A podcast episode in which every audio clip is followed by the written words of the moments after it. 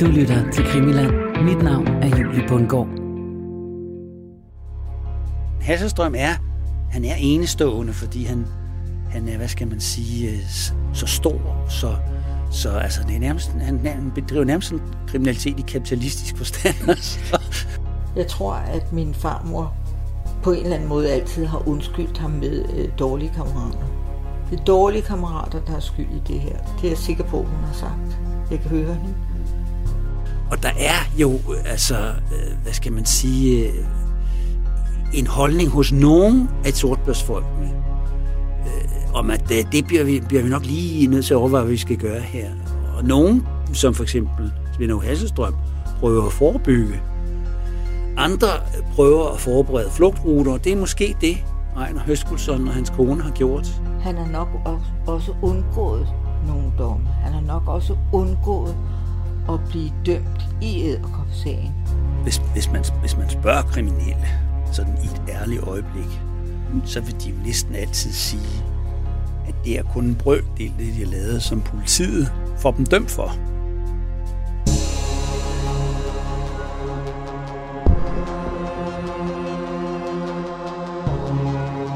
I en have med et tilhørende hus i Gilleleje sidder en mand.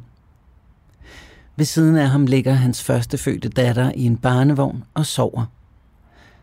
Han skubber stille og roligt og taktfast barnevognen frem og tilbage, nærmest som i trance.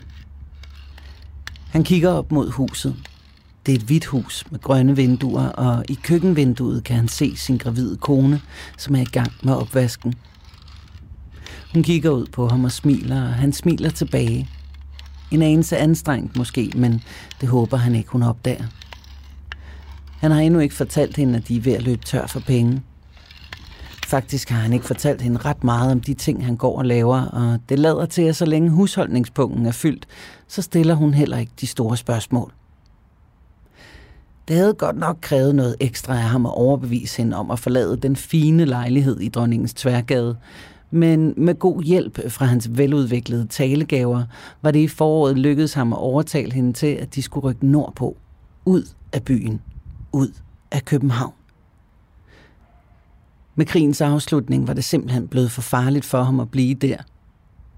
Sommerhuset, som de har opholdt sig i de sidste fem måneder, fandt han gennem en annonce i Berlingske Tidene, og han har fortalt konen, at det er et hus, som han har fået lov til at låne af en ven. Det passede selvfølgelig ikke. Han havde lagt et mindre depositum, da de flyttede ind, men han har ikke betalt noget i husleje endnu, og nu er udlejeren begyndt at dukke op i tide og utider for lang betaling. Indtil videre har han kunne snakke sig ud af det, og har i stedet stukket udlejeren lidt spiritus og nogle cigaretter, som han har haft med fra København. Men han kan godt fornemme, at den form for betaling ikke længere helt er nok. Stadig med barnevognen vugne frem og tilbage, forsøger han i sine tanker at finde på en plan. Pengene er ved at være væk, og nu kommer efteråret og vinteren, og det er kun et spørgsmål om tid, før udlejeren bliver tilpas utålmodig og smider dem ud. Men han kan ikke få sig selv til at sige det til sin kone. Han kigger ned i barnevognen på den sovende pige. Om lidt kommer der et barn til. Hvad skal han gøre? De kan ikke blive i leje for evigt. Og faktisk har det heller ikke været helt ufarligt at være heroppe. Der er mange fra hans kriminelle omgangskreds, der ligesom ham har søgt ud af byen. Modstandsfolkene har haft gang i et grundigt oprydningsarbejde siden krigen sluttede, og alle, der på nogen måde har været involveret med tyskerne eller med sortbørshandel under krigen, er pludselig i deres søgelys. Han kigger igen op på køkkenvinduet og ser, at hans kone er ved at trække en tyk trøje ud over kjolen. Der er blevet koldt i huset, nu hvor sommeren er blevet afløst af efteråret. Han rejser sig og går resolut hen til skuret og åbner døren. Inden i mørket famler han lidt rundt, indtil han får fat i en havestol af træ og en økse. Han bærer stolen ud af skuret og smider den på græsset. Så tager han øksen og hæver den, og med en voldsom kraft, der giver afløb for alle hans frustrationer, hamrer han øksen igennem havestolen, som splindres. Han hugger ned i stolen igen og igen og opdager slet ikke, at hans datter er begyndt at græde fra barnevognen. Og fra huset kommer hans kone løbende ud. Hvad er det dog, du laver? råber hun, mens hun skynder sig hen til barnevognen for at trøste den lille grædende pige. Vi er løbet tør for branden, Der er koldt i huset, men nu har jeg ordnet det. Der er brænde nok her til de næste to dage, og der er fem stole mere i skuret siger han og samler den maltrakterede havestol, der nu er blevet til pindebrænde sammen, og går ind i huset, efterfulgt af hans måbende kone med et småhultende barn på armen.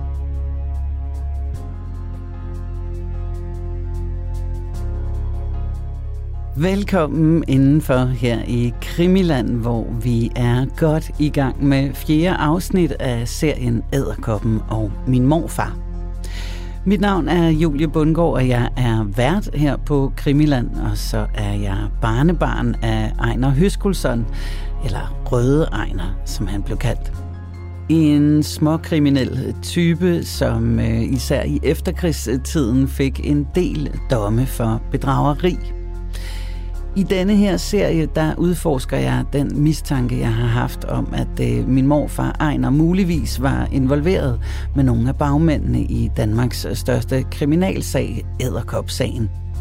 Vi har kigget lidt på, om øh, æderkopperne Svend Aage Hasselstrøm og Johannes Linde eventuelt kunne have kendt min morfar som ganske unge, og så øh, har vi fulgt et spor, der peger i retning af, at øh, Ejner havde en forbindelse til Hasselstrøm, som måske skaffede Ejner både en bil og en lejlighed i Dronningegården. Nå, men, men jeg kunne sagtens forestille mig, at man typisk slog sig sammen med en eller to personer, hvis man vil lave et eller andet. Om det så var at stjæle nogle penge, eller stjæle noget øh, varelager fra et eller andet sted, så, øh, så var man øh, typisk nogle øh, stykker om det.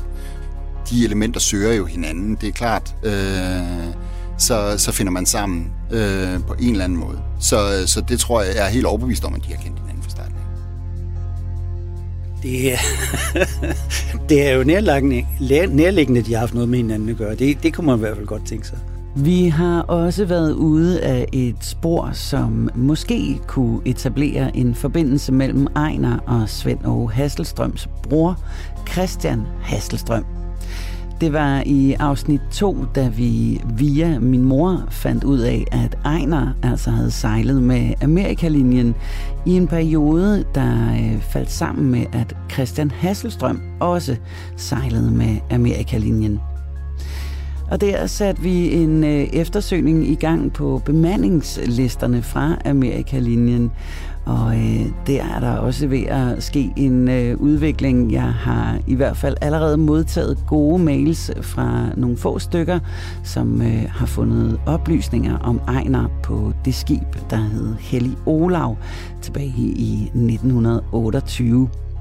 Jeg har også selv bestilt nogle øh, bemandingslister fra Rigsarkivet, så øh, der leder vi altså stadig efter en eventuel forbindelse. Men afsnittet om Christian Hasselstrøm affødt også nogle andre mails i indbakken.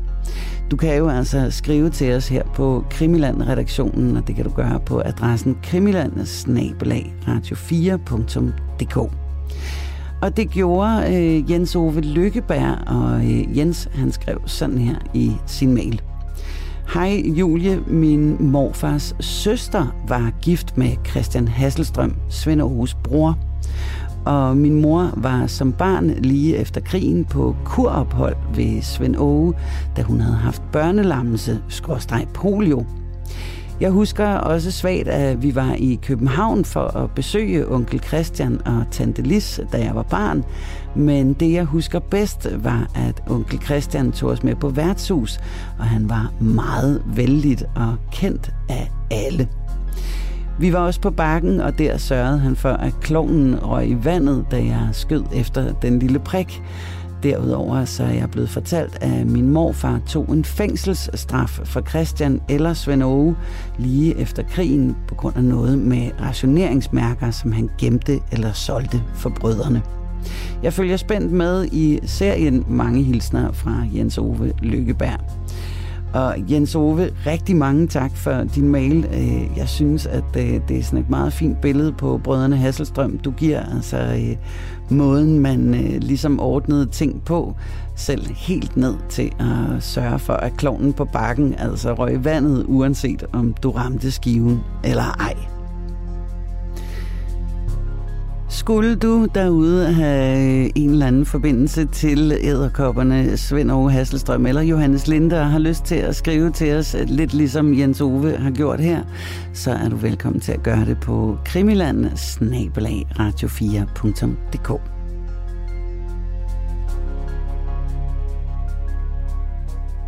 I sidste uge, der faldt jeg over en annonce, som Ejner havde indrykket i Berlingske Tidene i marts måned 1945.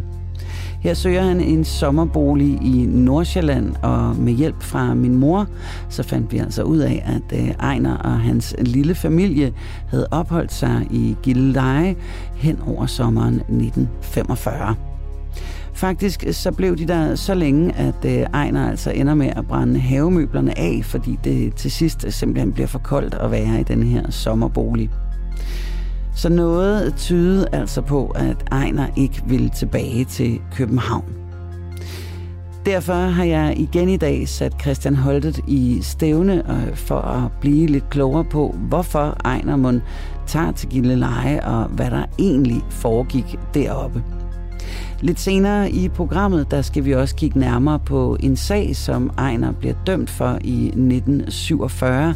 En sag, som vi har valgt at kalde for malerne. Og til allersidst, og det er derfor, at du skal hænge på helt til slut, så er der altså nyt i H3 829-sagen.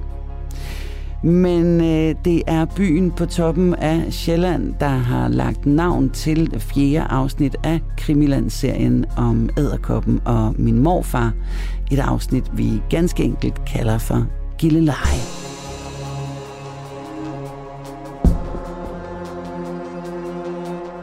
Igen i denne uge har jeg fået god hjælp af Christian Holtet, som er forsker og forfatter med en særlig forkærlighed for efterkrigstidens gangstertyper. Og jeg starter med at spørge Christian, hvordan tilværelsen egentlig så ud for de kriminelle og for sortbørshandlerne lige omkring krigens afslutning, altså lige omkring der, hvor Ejner tager til Gilleleje. Den øh, kan for nogle af dem godt have set meget endnu meget usikker ud. Øh, foråret, eller ja faktisk helt tilbage til årsskiftet 1945 og frem til befrielsen i den 5. maj 45, er jo karakteriseret ved en bølge af, af attentater, sabotager, likvideringer, kriminelle opgør, øh, modstandsfolk, som benytter lejligheden til at lave selvjustits, øh, der sker simpelthen helt vildt meget.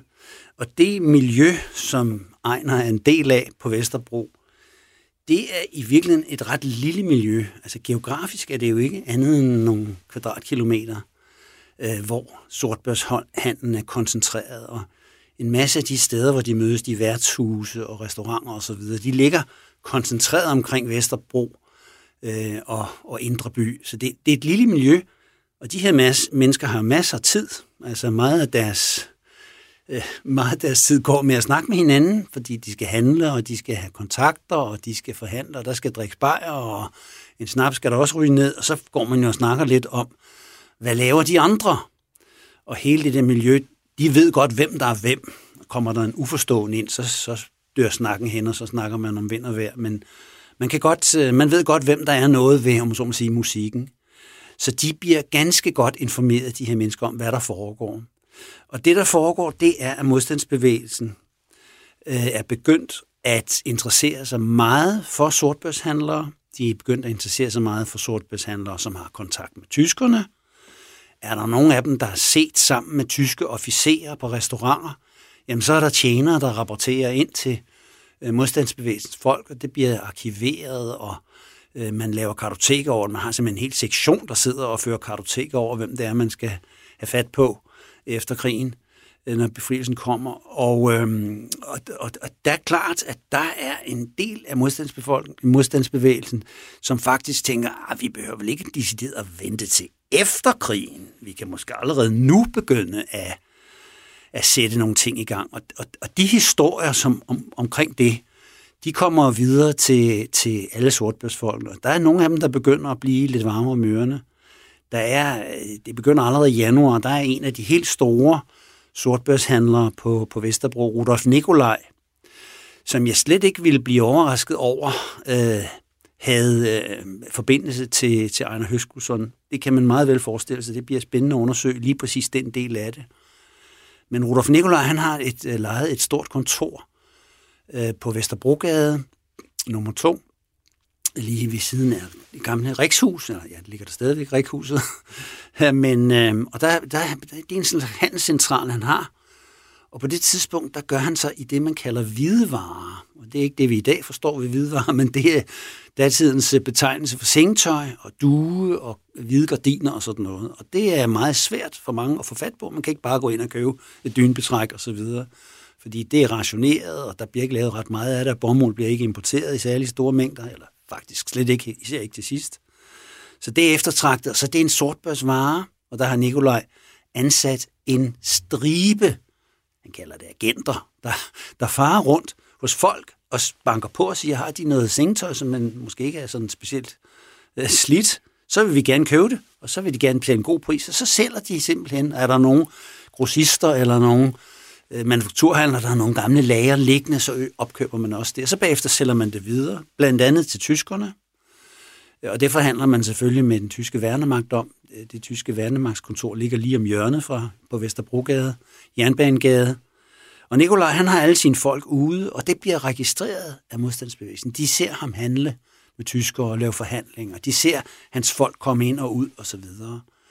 Og der skriver man det om i, øh, i den illegale presse, at han er altså han er værnemager, og han er sortbørsmand, og ham skal man altså passe på advarsel. Men en af modstandsgrupperne, de, øh, de går simpelthen i gang selv. Så de angriber decideret kontoret. Fire mand stormer op på Vesterbrogade nummer 2 og banker på, og Nikolaj, han ved jo godt, han er sådan lidt i, i, i farezonen, så han har sat en vagtpost op. Øh, en ung mand, som han har ansat. Øh, og han ser de der folk der, han ser de der, ser de her lange cotton coats på, og de ser lidt bistre ud, så han tænker, øh, så han smækker døren i igen, men de når at få foden ind de er selvfølgelig forberedt situationen, trækker deres maskinpistoler og begynder at skyde. Og de dræber blandt andet den her unge vagtpost her. Og Nikolaj, som sidder inde i kontoret lidt bagved, og en, øh, en kollega, han har, som han leger det her kontor sammen med, øh, de kaster sig ned bag nogle skrivebordere, og Nikolaj er bevæbnet, og det er den anden, Svend Ånesen hedder han. Han er også bevæbnet. Han er en ordentlig klipper på to meter. Han, han besvarer ilden for de her modstandsfolk, så de tør ikke trænge hurtigt ind. Men de får fyret en masse skud af, og Nikolaj bliver blandt andet ramt i hånden, øhm, og kommer senere hen øh, på hospitalet. Øh, og så tror de, fordi Nikolaj råber og skriger, han er jo ikke sådan lige øh, altså kamp, kampvand, kan man sige. og det er jo også en, en skræmmende oplevelse for ham. Men, øhm, men de øh, trækker sig så efterhånden tilbage i det, de tror, at de har, har likvideret øh, Rudolf Nikolaj, store sortbørsmand, og så går de ned ad trappen, og så forsvinder de så øh, efterfølgende. Og, og øh, den dræbte vagtpost, han bliver så afhentet af Falk efterfølgende. Nikolaj kommer på hospitalet, øh, det tyske ret, hvor han så bliver behandlet. Men, men hele den her historie omkring det her angreb, den går selvfølgelig som varm brød i sortbørsmiljøet. Det har din, din morfar garanteret hørt den historie, fordi så mange var der heller ikke af diætaner, men selvfølgelig var der noget, altså flere gange om dagen og, og, og i løbet af ugerne, så, så, så var der historier. Der er også en anden historie om en øh, guldhandler, som hedder Meier, som arbejder for tyskerne. Han har nogle agenter ude også, og han samarbejder med forskellige, at de opkøber guld, som de så efterfølgende sælger til tyskerne. Der er mange tyskere, der gerne vil have lidt guld med hjem. De har også øh, officielt har de besluttet, at de vil sende guld til Tyskland. Det skal bruges til såkaldte guldkurer. Det er den officielle begrundelse. Sådan. Men der er altså en del af det, der forsvinder i lommerne, blandt andet hos øh, den øverst kommanderende for værnemagten i Tyskland, Werner Best, han, øh, der finder man 7 kilo guld i hans øh, residens efter krigen, så det var noget, han havde tænkt, han skulle have med hjem, men det når han så altså ikke. Der, men der er flere andre tyskere, som, som når at forsvinde med, med guldbar i lommerne. Og den handel der, den, er jo, den bliver også, foregår også på, på Vesterbro, og det, det hører man også om. Og den her guldhandler Meier, han bliver også udsat for et antal, han bliver faktisk hårdt såret, og hans kone bliver også såret. Og det er også modstandsbevægelsen, der laver det. Mm. Senere hen er der et, øh, ja, faktisk et, et, et ja, nærmest bizart, barokt, morsomt røveri, der foregår på Hotel Savoy, som ligger lidt længere nede ad gaden, øh, fra, fra Vester, Vesterport øh, på Vesterbrogade. Det er en, øh, det er en slagtermester, Oscar Elert hedder han. han er kommet til København sammen med sin gode ven Simonsen, og de har tjent en masse penge på at handle med tyskerne. De har solgt kød. I hvert fald, ja, Elert har solgt kød til tyskerne. Han har en stor slagterforretning i Frederikshavn. Og øh, han har så solgt, øh, og så, skal han, så har han hørt, at måske så bliver pengene værdiløse efter krigen. Så han er taget til København øh, uden sin kone. Øh, hun har åbenbart været forhindret. Ej, det har hun nok ikke, men, men han skal i hvert fald, så benytter han lejligheden dengang, hvor det ikke sådan, man kører frem og tilbage samme dag. Det var sådan en uges tid, man skulle, så kunne man også lige nå og mor sig lidt ud over de forretninger. Det han vil gøre, det er, at han vil omveksle sine penge til mere faste værdier. Og han handler blandt andet på den sorte børs. Han opkøber guldmønter, han opkøber øh, forskellige øh, effekter, cigarer, et kæmpe lag af cigaretter og alle mulige forskellige ting køber han. Han køber for 20.000 kroner, altså sådan op mod en halv million kroner har han omsat, som han gerne vil have sådan i faste værdier. Og det oplærer han så på sit hotelværelse på Hotel Savoy, og så om aftenen så går han ud i Simonsen, så møder de, ja, så møder de nogle, nogle damer, som de morser med, øh, og, og går på bar og så videre. Og øh, så sker der det, at øh, den historie om de her sortbørshandlere, der har købt stort ind, den cirkulerer i miljøet på Vesterbro, og det bliver opsnappet af modstandsbevægelsen, og man sender så en gruppe ud. Øhm, og øh, de kom så om aftenen på Hotel Savoy, hvor de øh, ved, at øh, Elert og hans ven Simonsen, de sidder og drikker sig en shoes, inden de skal i seng, og så stormer de ind, og så laver de hold up, det hedder, for Elerts, og han bliver truet øh, på livet, hvis han skal afsløre, hvor han har sine penge, og han bliver meget overrasket over, hvor de ved det fra, men altså, det har han så sine mistanker om senere hen. Øhm, og de, de røver ham simpelthen, de tvinger ham op på hans værelse, og så røver de ham og tvinger ham til at fortælle, hvor han har gemt sine guldmønter og sine cigarer og så videre. Og så sidder de deroppe og tæller alle de der øh, ting og sager der, og så det går der noget tid med at få øh, opregnet alle de der værdigenskande. Det skal også pakkes ned, og, sådan, og, så, og så bliver man jo lidt tørstig. Det kan man hurtigt blive. Som, så siger jeg, vi laver lige en pause i røveriet, siger bevægelsen. Så går de ned i restauranten, hvor direktøren, direktør Balle hedder han, han siger, nå, røveri, ja, jo, øh, ja, man ikke de kan få noget at spise, og jo, det, det kan de da godt, øh, og de skal også have lidt at drikke og sådan noget. Så sætter direktør Palle kokken i gang med at lave, han er så imellem sin lukkede restauranten der på Hotel Savoy, og så sætter han kokken i gang med at lave smørbrød til dem, og, og, og der bliver serveret snaps, så sidder hele selskabet, inklusive direktøren og tjenerne og røverne og, og de to sortbørshandlere og spiser og drikker. Og så det, det, tager, det er jo ikke sådan, at man lige gør på en halv time, vel? så det tager jo lidt tid. Og så de der røver tænker, vi skal da have lidt kvinde i selskab. Så ringer de efter nogle damer. så, kommer der, så kommer der et par damer, som de skal morse sig med. Og, og så, så, så, går det frem til sådan en 10-11-12-tiden og sådan og Så går de op, og så, der er jo nogle ledige værelser der ved siden af Oscar Helers og Simonsens værelse der. Så, så der de der røver, de logerer. Der er vist fire af dem, tror jeg faktisk, ikke? Og de logerer sig ind og morer sig og drikker og, og, og, og hygger sig med de unge damer osv. Så, så om morgenen der, så, så laver mor, Balle morgenmad til dem, og så skal de afsted. Så opdager de, at øh, Oscar Elersen, han har en tjek liggende. Den har de så fundet om aftenen der, der. Og det er på en pænt stort beløb.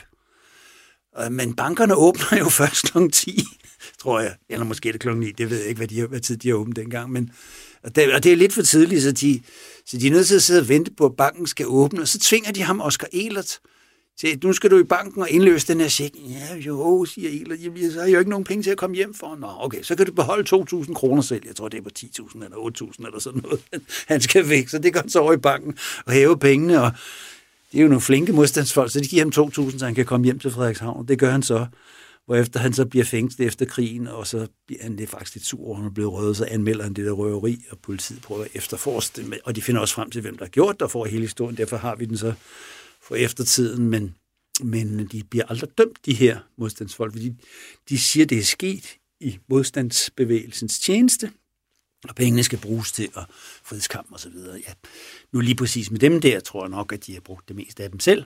Men, men, øh, men, men den slags historie cirkulerer jo på Vesterbro, og det hører jo Høskulsen og andre om, ikke? Altså, det er, og, det er en helt fantastisk historie, altså at lave et væbnet røveri med forplejning. Ja, det, det, det er nu med forplejning, kan man sige, ikke? Det, det, de, er jo, altså, det, det er jo en politiløse tid. Ja. Man kan jo ikke ringe efter nogen. Øh, man kunne måske ringe efter vagtværnet, men det tror jeg, altså direktør Balle, han er selv med i modstandsbevægelsen. Jeg, jeg tror, han, han har måske ikke helt udelukket, han har vidst lidt om det her måske, at, at øh, det var nok ikke særlig sundhedsvenlige at begynde at ringe efter vagtværnet. Så han lukker, han lukker for, for, for etablissement, så de har det for sig selv, kan man sige. Der er måske ikke alt for mange andre gæster, der kan finde på at benytte telefonen, men, men det er altså røveri i slow motion for store beløb, og Eler, det, han bliver selvfølgelig sur over det der, men altså omvendt, så det er jo også nogle penge, han sådan, man kan sige, måske er kommet lidt let til, ikke? så mm. gør heller ikke det store ved det. Øhm, men han får altså en dom efter krigen for værende mageri. Jeg tror, han sidder et år i fængsel og så videre, så senere etablerer han sig i Aarhus med en slagter forretning og sådan noget. Men, men, men, men den slags historie er der jo en del af. Og der er jo, altså, øh, hvad skal man sige, øh, en holdning hos nogen af sortbørsfolkene, øh, om at det, det bliver, vi, bliver vi nok lige nødt til at overveje, hvad vi skal gøre her. Og nogen, som for eksempel Svend Hasselstrøm, prøver at forebygge, ved at øh, altså, lave underhåndsaftaler med forskellige øh, modstandsgrupper ved at give dem cigaretter eller penge eller hjælpe nogen, der sidder indsat, indsat i fængsel. Det Hasselstrøm har gode forbindelser til fængselsvæsenet og så videre. Ikke? Så jeg tror, han prøver måske, han kan gardere sig lidt. Ikke? Andre prøver at forberede flugtruter, og det er måske det, Ejner Høskulsson og hans kone har gjort. Jeg ved i hvert fald, at uh, Rudolf Nikolaj dagen før, altså den 4. maj, Øhm, der hører han jo i radioen som alle andre, at, at, at tyskerne har overgivet sig. Der fordufter han, og øh, han siger senere hen, ja, jeg skulle ud af byen hurtigst muligt, fordi jeg havde ikke lyst til at blive øh, tvunget rundt i gaderne med hænderne hævet over hovedet. Så, så han tager til Nordsjælland, og det tager han blandt andet sammen med en ven, han har, som ham vi omtalte før, guldhandler Maja. De kom til at kende hinanden i forbindelse med nogle guldhandler, de har lavet. så de, de får anskaffet sig en bil, så kører de nordpå. Og de er til leje, og de er leje, og de kører rundt, og de har ikke deres koner med, øh, men de finder tilfældigvis nogle andre damer, de kan tage med, så indlogerer de sig på hoteller, og så turer de rundt op i Nordsjælland øh, nogle dage, øh, eller nogle tid, jeg ved ikke helt præcis hvor længe, indtil de sådan tænker, nu kan gemytterne være faldet lidt til ro. Øh, og så kommer de så tilbage, og så bliver de så begge to øh, ja, Nikolaj bliver arresteret, øh, og øh, Maja, han bliver likvideret. Det kan være en historie, vi kan komme ind på, et, måske på et senere tidspunkt. Den skal vi i hvert fald ind på, ja. Christian. Og det samme, øh, det samme gør faktisk møbelhandler Linde. Der sker faktisk det, at der kommer en gruppe, en modstandsgruppe, bulrende op ad trappen den 5. maj. Og der hører Linde og hans kone, og Linde flygter ned ad køkkentrappen og ud i en af sine biler og drøner afsted, kører ned til øh, Stævns, tror jeg det er, hvor han har, han har et hotel dernede og indlogerer sig, og så senere bliver han nogle, nogle, en uge, jeg tror 14 dage efter bliver han arresteret af en kaptajn, der så bringer ham ind. Men der er det også sådan faldet lidt til ro. De, de frygter simpelthen altså selvjustitsen fra modstandsbevægelsen, og det er der også mange eksempler på. Der er mange sornbøgshandlere, som bliver altså, behandlet ret hårdhændet. Mm. Øh, og der sker jo en frygtelig masse drab og, og hvad skal man sige, vådeskudsulykker og så videre hele den tid. Så Altså, det tror jeg kan have noget af baggrunden for, at øh, Ejner Høskulsson og hans familie har tænkt, det kunne være, at vi skulle tage, tage på landet i den her periode her, fordi det var måske bedst for helbredet. Så Ejner er altså ikke den eneste, der søger ud af byen i denne her periode. Men der er også mange andre aktiviteter i og omkring Gilleleje på det her tidspunkt, som også kan have forbindelse til æderkoppen, og som øh, måske også kan have haft noget at gøre med, hvorfor Ejner rykker lige præcis derop. Men det er klart, at, at øh, Ejner Høskelsen har vidst, hvad der er foregået i Gilleleje. Der er jo en enorm transport af varer mellem altså Sverige og Danmark, og meget af det, det kommer ind via Gitleje. Man laver det, man kalder såkaldt kontaktsejlads. Det vil sige, at danske fiskekutter sejler ud øh, med det officielle formål at skulle, skulle fiske, og det gør de også. Men så har man aftalt ved hjælp af nogle signaler og nogle koder osv., at man møder både, der kommer fra Sverige. Mm. Så mødes man ude i, hvad skal man sige, neutral farvand, og så bliver der udvekslet, det kan være så jøder, der skal tilbage til Sverige, eller der skal til Sverige. Øh, og den anden vej kan det være våben, det kan være modstandsfolk, der skal tilbage igen. De har måske været på ferie i Sverige, men skal tilbage og deltage i kampen igen. Maskinpistoler senere hen. Øh, kurerpost mellem øh, øh, myndigheder, der er under jorden i Danmark. Øh, forsvaret har nogle ruter, der kører også via Gilleleje. Der, der er simpelthen tjenester, som er opereret af danske, der er taget til Sverige. Der er noget, der hedder Dansk Svensk Flygtningstjeneste, som er meget aktiv på det her tidspunkt. Øh, men der kan jo også samtidig falde ting og sager med i nogle kasser. Altså, der er mange historier om fiskere, som modtager kasser, som er plomberet, men, men når, de, når de ryster lidt med det, og nogle gange går de også i stykker, det her brikage hedder det inden for det her fag. og samtidig så er brikagen forårsaget af nogen, der med vilje kommer til at tabe kasserne, så man kan se, hvad der er inde i. Der bliver altså rapporteret efter krigen om, at man har både fundet guld og cigaretter og silkestrømper og kaffe og altså nogle af de der ting, som, som er eftertragtede varer. De kommer ind derfra. Der, der, der er jo nogen, der skal transportere det fra Gilleleje ind til København eller, eller videre rundt på Sjælland. Der er også ruter, der går til Grenå og til Frederikshavn og så videre, så det er ikke kun det eneste sted. Nede i Sydsjælland er der også, og via Dragør og sådan nogle steder. Der er en, en række havne, hvor man, man modtager de her varer. Det, de har en garanteret vidst alt om, hvordan den transport var. Så det kan være, at han har haft nogle, nogle forbindelser derop, der kunne hjælpe ham. Det kan være, at det har været hjemvandt terræn for ham. Måske har han da selv kørt op og, og hentet ting og sager, som han senere har handlet med. Der kan altså være mange årsager til, at øh, Ejner pludselig forlader København kort før krigen slutter og altså leger det her hus i Gilleleje. Men uanset årsagen, så er der ikke nogen tvivl om, at det har kostet penge bare sådan at rykke derop. Altså et sommerhus i Gilleleje, øh, også selvom det er beskeden, det er jo ikke inden for almindelige arbejderlønninger, eller ufaglærte arbejderlønninger. Så, så han har hele tiden haft nogle penge, og dem kan han jo kun have fået på en måde. Hvis, altså, altså han har ikke kunnet tjene det værlige arbejde så meget, så han har jo ikke nogen speciel uddannelse derudover. Så der er, der er nogle ting, han har, han har haft nogle overskud på nogle gode handler rundt omkring i perioden op til. Det er der ingen tvivl om. Altså meget af det, øh, som der bliver handlet på Vesterbro, er jo varer, der bliver smuglet ind. Mm. Altså en stor artikel for eksempel silkestrømper. Det, det er jo før, ligesom nylonstrømperne rigtig vinder ind. Så silkestrømper, fine silkestrømper, det, det er en virkelig eftertragtet vare. De vil altså koste på den sorte børs, det der svarer til måske 500 eller 700 kroner i dag. Og det er der nogen, der skal rende rundt på værtshusen og tilbyde, sige, hvad, du lige sådan linde lidt på jakken, og så ligger der et sæt derinde, og så skal der veksles nogle penge frem og tilbage. Og, og den slags handel har din morfar bedrevet af forskellige ting. Det kan have været kaffe, han har solgt. Han kan have solgt mærker, som er blevet altså været... Kan man tjene så godt på det, at man kan tage ja, i sommerhus i et halvt år? Det kan man, altså hvis man er flittig og render og sælger og er heldig med handlerne. Også. Noget for, har han måske fået i det, der hedder kommission, det vil sige, at der er en bagmand, det kunne have været Hasselstrøm. Mm. Det bliver spændende at finde ud af. Øh, som siger, jamen her er et parti mærker, øh, du kan sælge dem for så så mange penge, og så får du så selv 10 procent, eller 50 øre mærket, eller hvor meget det nu kan have været. Ikke? Ja. Og, og jo, hvis man er flittig og, og en dygtig handelsmand, og lidt charmerende, og sådan, altså, så kan man formentlig godt tjene mange penge på det. Mange flere, end man kan tjene ved at være almindelig arbejder. Det er der ingen tvivl om. Og det tror jeg, han har gjort. Du har fortalt det. Man kørte i bil, og han havde skræddersyet tøj, og havde dyre vaner, og han hang rundt omkring på værtshusen. Det er heller ikke gratis. Mm. Øh, bestemt ikke. Så, så han har garanteret haft nogle indtægter af, af forskellige art ved sortbørshandel. Ja. En ting er sikkert. Ejner har rykket sig selv og familien ud af København kort før krigen slutter. Og ifølge historierne, som min mor har fået fortalt, så bliver han og min gravide mormor og deres førstefødte datter deroppe, så længe at de øh, altså til sidst brænder havemøblerne af for at holde varmen. Han har virkelig ikke ville tilbage til København.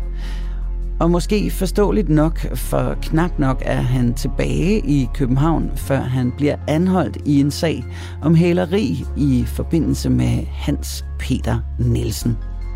Og denne her første dom, efter han øh, kommer tilbage til København, det er en sag, som jeg er i gang med at finde papirer på i Rigsarkivet, for jeg kan ikke finde nogen artikler om det i øh, det kongelige biblioteks aviser. Men på generaliekortet, der øh, kan jeg se, at han får en dom på et år og tre måneder, som han afsoner i Vridsløse Lille, hvorfra han bliver løsladt i begyndelsen af februar 1947. En sag, som jeg dog finder artikler på, er Ejners næste anholdelse og afsoning. For øh, efter at Ejner han er blevet løsladt i øh, denne her hælerisag i begyndelsen af 47, så bliver han anholdt igen blot syv måneder senere. Det bliver han i september 1947. I en sag, som involverer en Nils Andreas Rudolfsen samt en overretssagfører, Kai Ove Lassen. Det er en sag, som har forskellige elementer. Øh, den, den indeholder bedrageri med, med hvad hedder det, dækningsløse checks. Øh, man lokker penge ud af folk. Øh, man ved at sige, vi har en check her, men kan du ikke betale os det, der står på den, måske kun del af beløbet. Øh, blandt andet i forbindelse med bilhandlere, så, så siger man, jamen, øh, så kan vi købe din bil, øh, og her er så en dækningsløs check, øh, og så er der måske et eller andet beløb, der i mellemværende. sådan For ligesom at få det til at være sådan se legitimt ud, så aftaler man handlerne hos den her sagfører, Kai Ove Lassen, på hans kontor. Og det ser fint ud, og sådan, han har, jeg ved ikke helt præcis, hvor han har kontor henne, men, men han har sikkert en fin, en fin sagførerkontor om sekretær, og så når folk kommer ind og tænker, det, så er det jo nok legitimt nok, ikke? og de her to øh, kumpaner her, de, de laver så forskellige julenummer om de her dækningsløse checks. Det er den ene del af sagen. Den anden del af sagen er, at de sælger såkaldte hjemmeindustrier. Ja, den faldt jeg også over. Ja. Det, lyder, det lyder meget pudsigt. Jeg er ikke helt klar over, hvad det er for nogle hjemmeindustrier. Men, men jeg ved, at der er andre, øh, som, øh, som sælger den slags ting, øh, altså, hvor det også bliver kaldt hjemmeindustri. Det kan for eksempel være, at man sælger og siger, jamen vi har et produkt her, og så viser man nogle fine farvetærninger, og så siger man, nu får du en, en prøvekasse.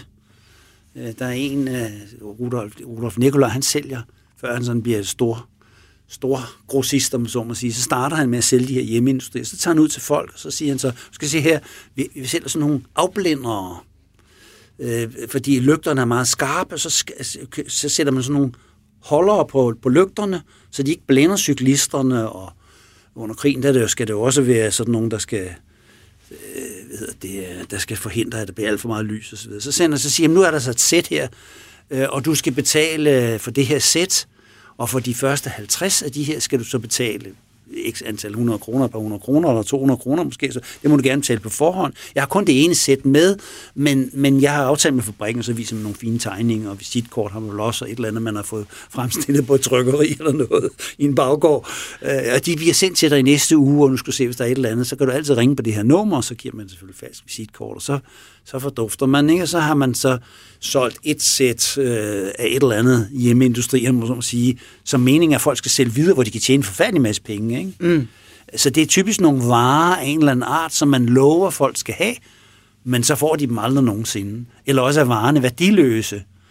Øhm, ja, den sag der, der står der, at det er værdiløse hjemmeindustrier. Det kan godt være, at det dækker over, at, at man bilder folk ind, at det er varer, som har en vis værdi, men det har de så i virkeligheden ikke, fordi at, at det, de, det, det er måske øh, de varer, man viser dem, er ikke dem, som de så får i den prøvekasse, eller den første sending, de får osv. Så, så det er bedrageri, altså bondefangeri, kan man kalde det. Ikke? Ja. Og det bliver de så sigtet for, og så kommer de i retten, og så får de en dom. Nu kan jeg ikke lige huske, hvor meget de får, men det har du måske stået Jeg mener, at de får, jeg kan, jeg kan se det her, de får øh, et år og tre månder får ja. Ejner, og så øh, minus 54 dage, fordi han har siddet varetægtsfængslet i, i noget tid. Ikke? Men han, han får et år og tre måneder.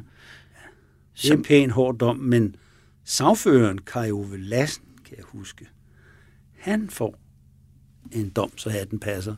Han, han får noget hæfte, men det, der virkelig slår, det er, at han bliver fradømt, fradømt for bestand i sin bestalling. Det vil sige, at man ikke virker som sagfører det er noget, der slår hårdt, hvis man ligesom har været sagfører i sit liv. Han, han, han siger i retssalen, ifølge de avisreferater, der er, at, at det har han ikke vidst noget om, at han har været helt, altså fuldstændig uskyldig. Det tror retten åbenbart ikke på. De mener, at han har været medskyldig, og han har været vidne om, at, at de her checkbedragerier er blevet lavet på hans kontor, og der har han været vidne om, at det var fusk og få bedrag, og der ikke var dækning for de her checks. Ikke? Så når folk skulle ned i banken bagefter og indløse dem, så var der ikke noget på den konto. Ikke? Så de dømmer ham, og så får han altså fradømt sin bestilling. Da han hører det i retssalen, så får han et slagtilfælde og falder om i retten, besvimet. De tror, han har fået et hjertetilfælde. Måske har han fået en blodprop.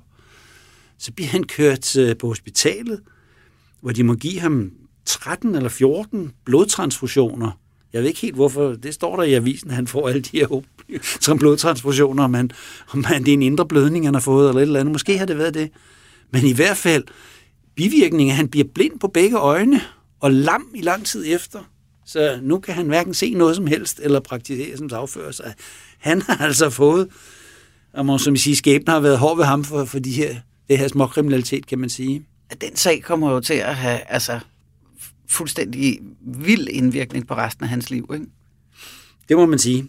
Han er i hvert fald nok ikke en af, af recidivisterne, som man kalder inden for fagsprog. Det er folk, der falder tilbage i kriminalitet igen. Nej, det, jeg tænker, at det nok har været slut for hans vedkommende derfra. Men det er det ikke for de andre.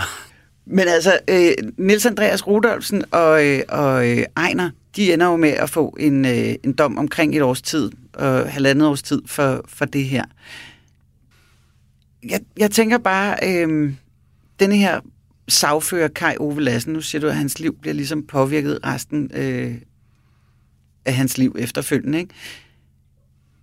kan det virkelig passe, at han ikke har vidst noget? Jeg tænker bare, er der en mulighed for, at han kan have været fuldstændig øh, bare forblændet af de her to øh, bondefanger, som måske også har bildt ham en historie ind?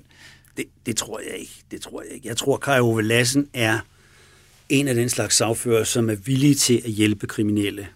Og jeg tror, at når politiet sigter ham, så er det, så er det udtryk for, at de har haft ham i søgelyset ved forbindelse med en lang række andre sager. Mm.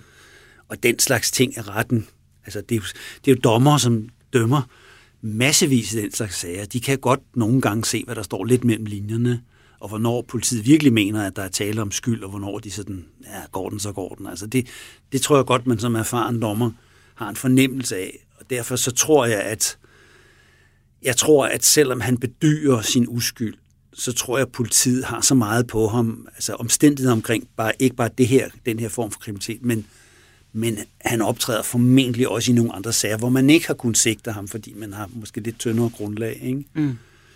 Så, men selvfølgelig er der altid en mulighed for, at han er uskyldig, men, men, men retten har jo vurderet i hvert fald, at, at han har været vidne om det. Det har man lagt mm. til grund for den, den, den dom, han får. Ikke? Ejner ender med at få en dom i denne her sag om hjemmeindustrier og falske checks. Han får en dom på halvandet år og begynder en ny afsoning i marts måned 1948. Først i Vridsløse Lille, så ryger han en tur omkring Kærshoved Gård, og så tilbage til Vridsløse Lille, hvorfra han øh, bliver løsladt cirka et år senere i marts måned 1949. Jeg synes jo også, at det virker som altså ret avanceret svindel for Ejners vedkommende.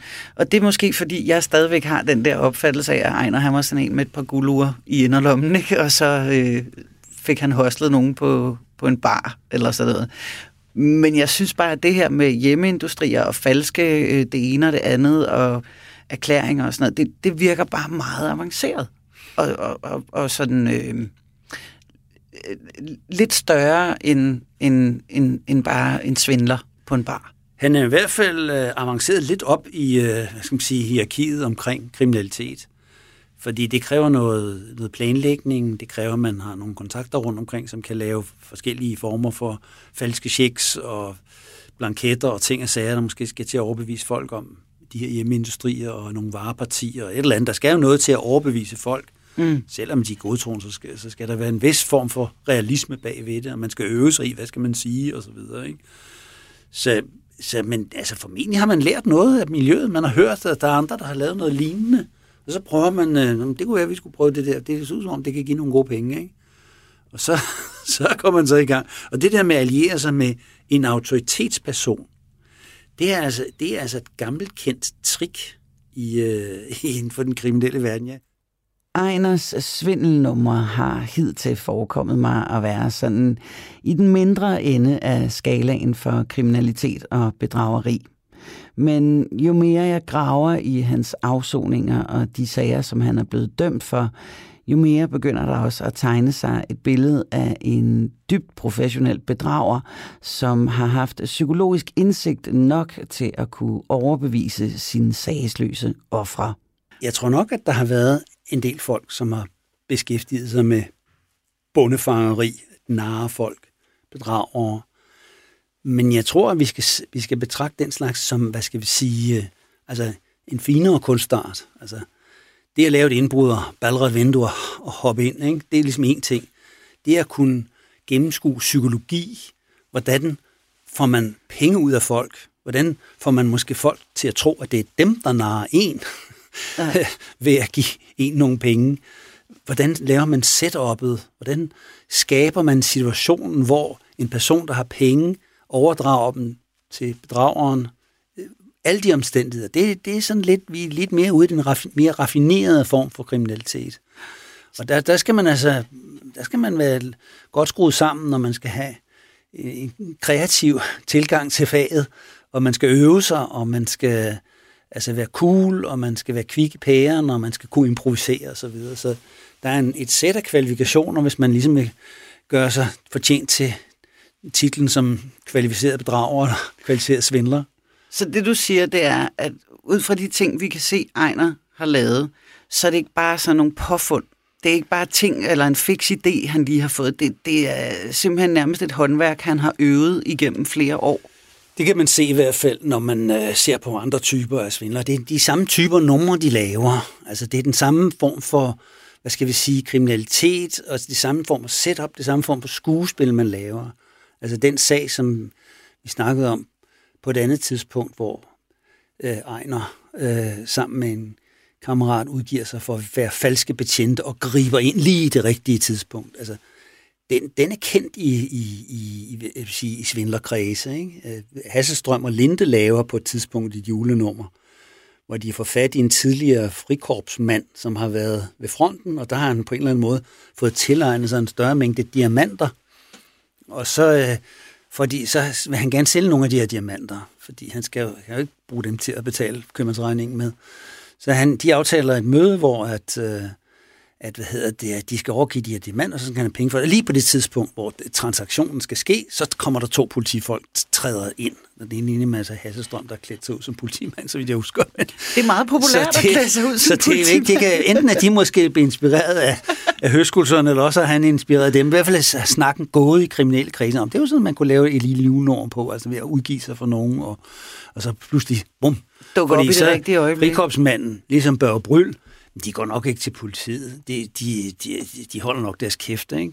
Det, det gør de så ikke, fordi vi får kendskab til sagen sidenhen, ikke? Og, så, så den måde at lave sådan fingeret, fingeret skuespil, og så altså ligesom øh, øh, få penge ud af folk, eller i det her tilfælde diamanter, det, det har været sådan en metode, som der er nogen, der har anvendt. Ikke? En anden metode, som nogen anvender, det er at tage noget fra folk, og så sælge det til dem bagefter det, er jo, det er jo meget smart, fordi så, så har man ikke udgifter til indkøbet, og man får indtægterne man sige, mere eller mindre frit. Ikke? Og, og øh, en, af de, en af dem, der er flere, der laver de der numre, vi kan også komme ind på, på nogle af dem på et tidspunkt, men en af dem, det er jo storsvindleren Rudolf Nikolaj, som under krigen øh, øh, specialiserer sig i sådan nogle fupnumre der. Og et af de fupnumre, han laver, det er, at han bestikker øh, tyske vagter ved et øh, benzindepot øh, ved de store luftbaser, eller store lufthavne i Aalborg, som tyskerne har bygget. Øh, der bestikker han sådan en lagerforvalter, og så kører han ind med en tankvogn, så fylder de tankvognen med benzin og kører ind til Aalborg og henvender sig på vandmagtkontoret og siger, at de ikke vil købe benzin, det har de jo altid mangel på. Det, det er fint nok, så sælger de den samme benzin til værnemagten, som de har haft tidligere. For penge, det bliver ikke opdaget. Det laver de flere gange, det julenummer der. De har jo udgifter til leje af en tankvogn, men ellers så går forretningen strygende. Senere gentager de nummer i København, hvor de øh, bestikker en lagerforvalter i lufthavnen, stjæler en hel, øh, hvad hedder sådan noget, eller hvis der er flere togvogne fyldt med kasser med søm, som der er stor mangel på, fordi det bruger man til forskalningsbrædder og så videre, når man skal støbe beton og opførelse af bygning og så videre. Så der er, der er enormt behov for søm. Så stjæler de der søm der, efter at have bestukket øh, vagterne og forvalteren der, kører ud med det og henvender sig på Værnemagtskontoret i København, øh, indkøbskontoret der og siger, vi vil gerne sælge nogle søm, det vil I have behov for. så køber de, sælger de to vognladninger, godsvognladninger søm til dem. Altså, det er en form for for, for, for udspekuleret svindelnummer er jo altså, vanvittigt sjov at høre om, men kræver også en vis form for, altså, det kræver intelligens og kreativitet og øh, kræver et psykologisk indsigt, fordi de mennesker, der bestikker, skal jo helst ikke fortælle om det bagefter, så de skal have incitament og inddrages i kredsen, og hele setupet, og hvordan man gør det, og hvem gør en og andet, så det kræver organisationstalent og kreativitet. Så det kan man godt forestille sig, at, øh, at din morfar, der han har hørt nogle af de historier der, så når man har siddet og snakket på tusind og praler lidt, ikke? for det kan man godt lide, når man har lavet sådan en velgennemført svindelnummer der, så praler man lidt og lægger måske lidt på også, ikke? så er der andre, der kan blive inspireret af det. Han har måske også selv lavet tilsvarende ting tidligere, og ikke blevet opdaget, men har fortalt det til andre.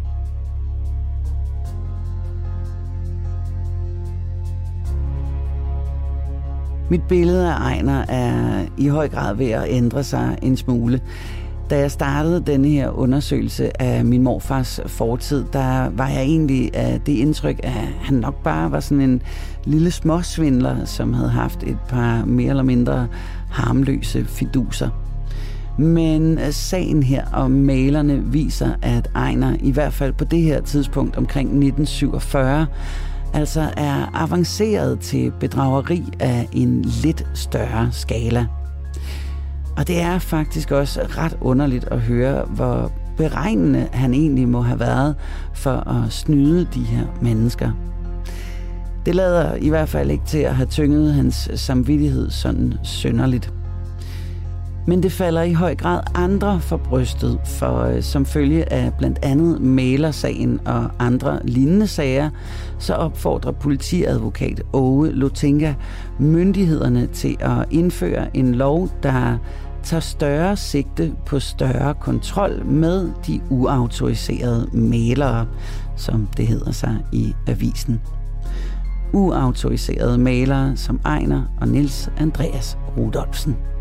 Her til sidst, der skal vi også lige runde et spor, som øh, dukkede op for et par uger siden.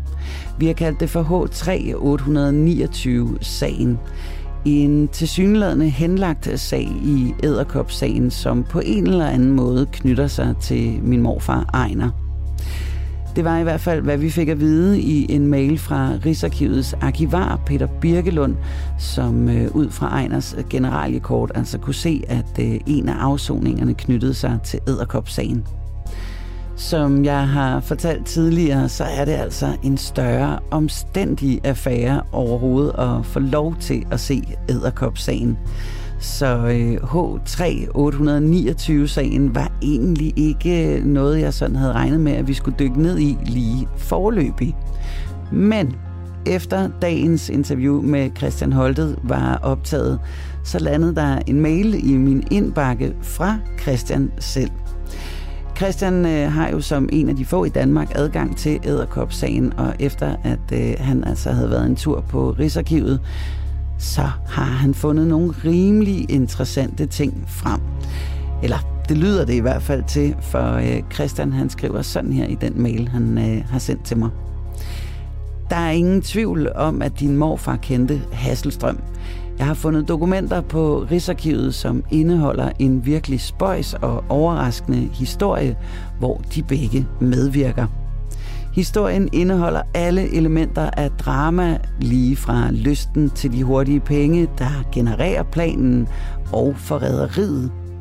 En kæmpe fristelse, point of no return, en lille held, og så i parentes din morfar, og æderkoppens forsøg på grusom hævn.